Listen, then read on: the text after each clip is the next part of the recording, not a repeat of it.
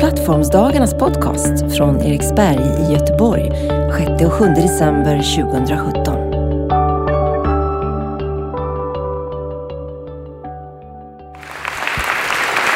Då ska vi träffa nästa eh, person. Eh, en man som kommer härifrån eh, trakten, håller till på Göteborgs universitet och docent på Handelshögskolan, Jan Jörnmark.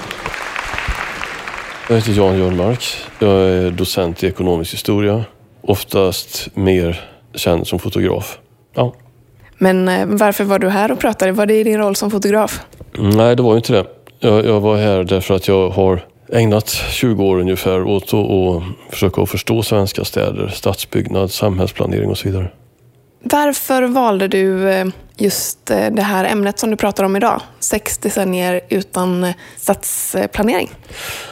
Jag, jag har skrivit mycket om just det.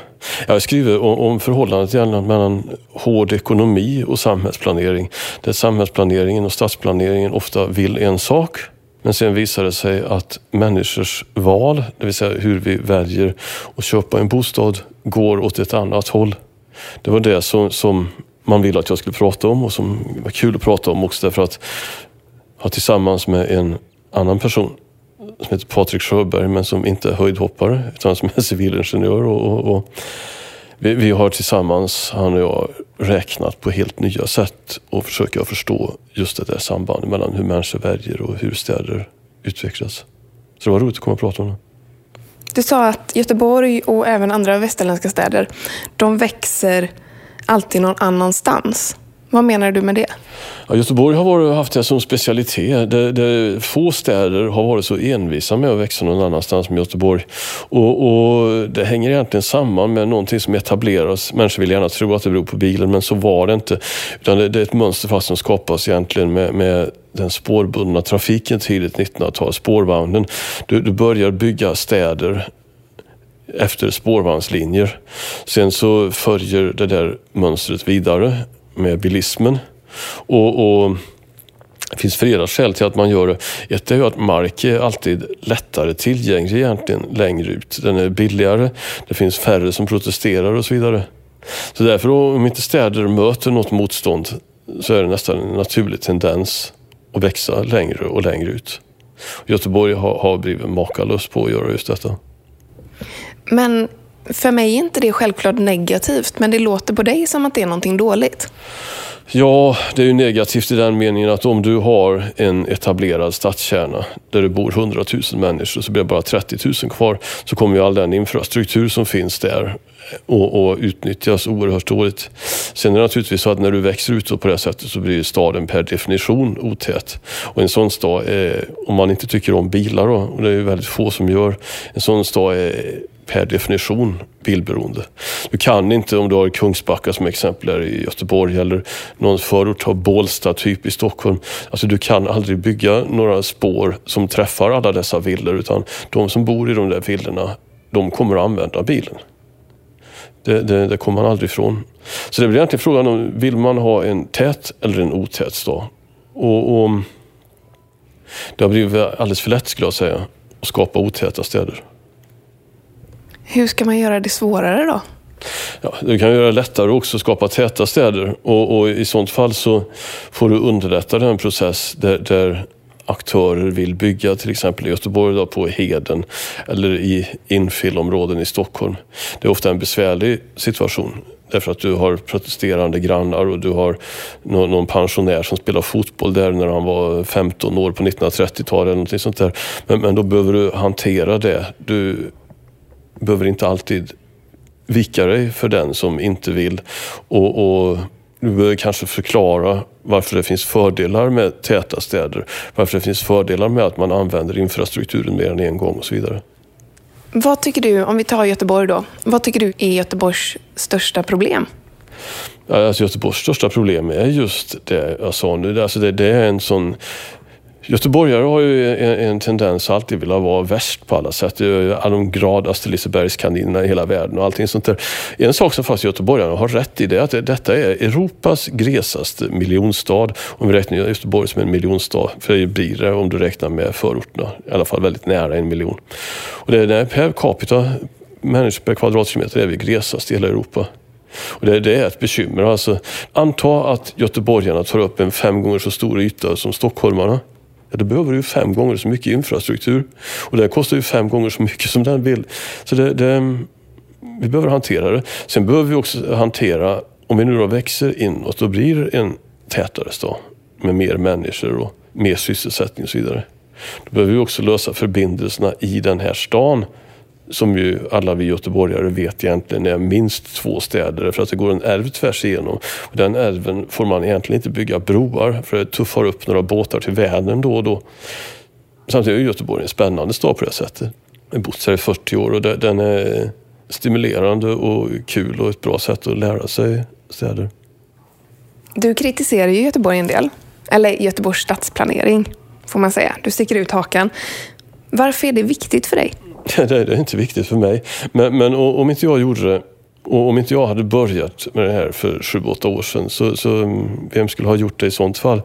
Jag har gjort det, det har inte alltid blivit här populär i stan utav detta, fast jag har inte varit ute efter det. Och, och nu kan man se att det jag sa för sju, åtta år sedan är allmängods. Och, då, då, och, och det har uppenbarligen inte varit osant det jag har sagt. Varför skulle jag inte ha gjort det? Det, det, det, var ju som så då för tio år sedan när jag började skriva så här. Jag hade varit frustrerad i massor av år över hur staden byggdes.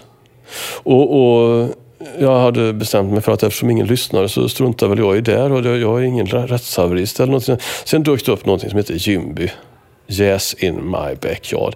Det var ett nätverk av unga människor som fanns i Göteborg och i Stockholm. Och de hade en internetplattform och där kunde man skriva krönikor och detta var fantastiskt roligt. Att skriva om sånt som jag hade tänkt och forskat om i decennier och som inga vuxna människor ville bry sig om och som de här 20-åringarna tyckte var kanonintressant.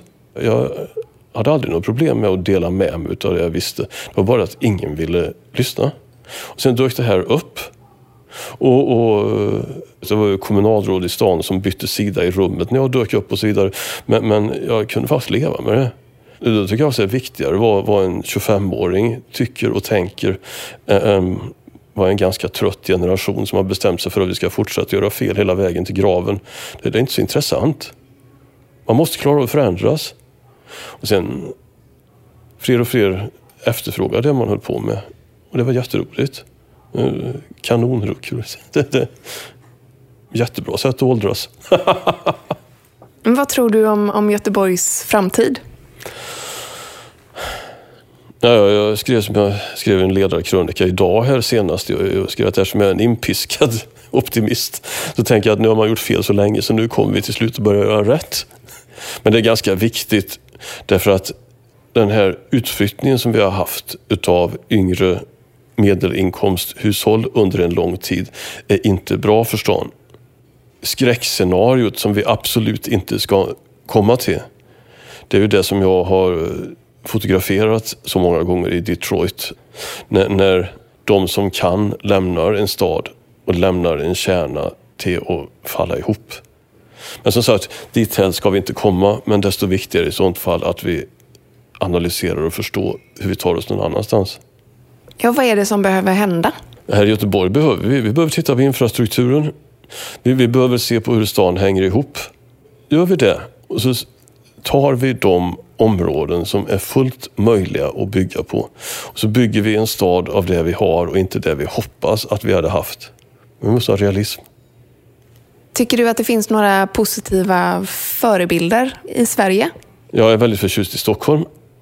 Jag har arbetat väldigt, väldigt mycket i Stockholm de sista 10-15 åren. Och, och, det är alldeles uppenbart att Stockholm har lyckats bättre än Göteborg de sista 20 åren. Bygga en tätare stad och, och en stad där, där, du får plats med väldigt mycket barn i, i centrala stan och en stad eftersom den är tät, du faktiskt kan klara dig utan bil på ett annat sätt. Så att jag får ju då Även om det inte är det du skulle vilja göra i Göteborg, säga att Stockholm har i mångt och mycket varit ett föredöme. Den här visionen om promenadstaden är lätt att kritisera den, men det har också skett väldigt mycket positivt. Men min bild är ju att det är väldigt dyrt att bo i stan. inte det ett stort problem då? Det är ju inte så att någon kommer att vara tvungen att bo i stan. Men å andra sidan om de som har råd att betala bo, bara bor i Särö eller bara bor i Djursholm. Och sen har du en stadskärna då. Alltså har det här dystopiska exemplet med Detroit. Där det bara bor fattiga människor. Du måste göra det möjligt för alla att bo i stan. Vad är härnäst på agendan för dig? Jag vet inte. Jag, jag, jag ligger väldigt mycket i min säng och skriver olika. jag har fantastiskt mycket roliga saker att göra. Det, det säger som är en arkitekt som är något år äldre än mig. Det som är ledsamt är att man inte har en 300-400 år till att leva för det är så fantastiskt att få vara med. Du har lyssnat på Plattformsdagarnas podcast från Eriksberg i Göteborg 6 och 7 december 2017. Producerat av produktionsbolaget Munk.